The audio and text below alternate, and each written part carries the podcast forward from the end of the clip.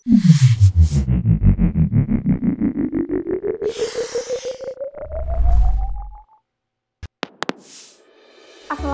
warahmatullahi wabarakatuh. Halo teman-teman, perkenalkan nama saya Nabila Sofia Nevianti. Saya dari Universitas Brawijaya Fakultas Peternakan. Saya diterima dari jalur mandiri. Di sini saya akan sedikit menjelaskan tentang jalur mandiri. Sekian, dadah.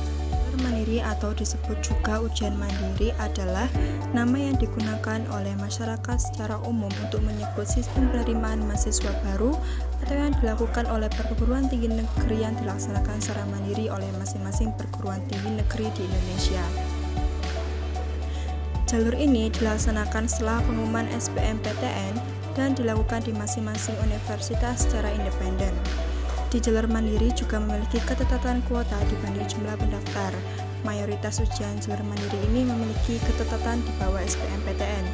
Namun, bukan berarti di ujian jalur mandiri ini pasti diterima, karena di setiap fakultas sudah memiliki kuota yang sudah ditentukan.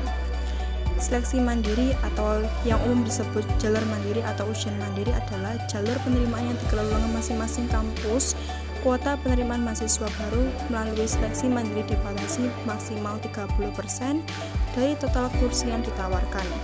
Bisa jadi kurang dari 30%, tapi tidak boleh lebih.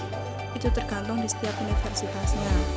Di antara tes yang dilakukan di jalur mandiri ini adalah yang pertama, menggunakan tes tulis, yang kedua, menggunakan seleksi nilai rapot atau seleksi nilai UTBK, dan yang ketiga, menggunakan jalur prestasi.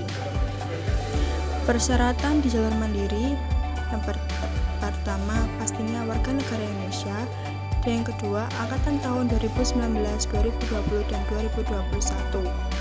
Yang ketiga, pendaftar jalur mandiri jenjang sarjana atau sarjana terapan sebelumnya harus mengikuti ujian tertulis berbasis komputer yang diselenggarakan oleh Lembaga Tinggi Masuk Perguruan Tinggi Negeri atau LTMPT. Tips lolos jalur mandiri ini yang pertama, jika tesnya menggunakan tes tulis, pelajari soal-soal mandiri tahun lalu. Tetap serius dan jangan menyepelekan. Kedua, terus mencari informasi seputar ujian mandiri. Tiga, menggali informasi seputar kampus dan jurusan yang ditarget serta mencari peluang paling besar. Dan yang keempat, jangan lupa berdoa. Sekian penjelasan dari saya, semoga bermanfaat. Wassalamualaikum warahmatullahi wabarakatuh.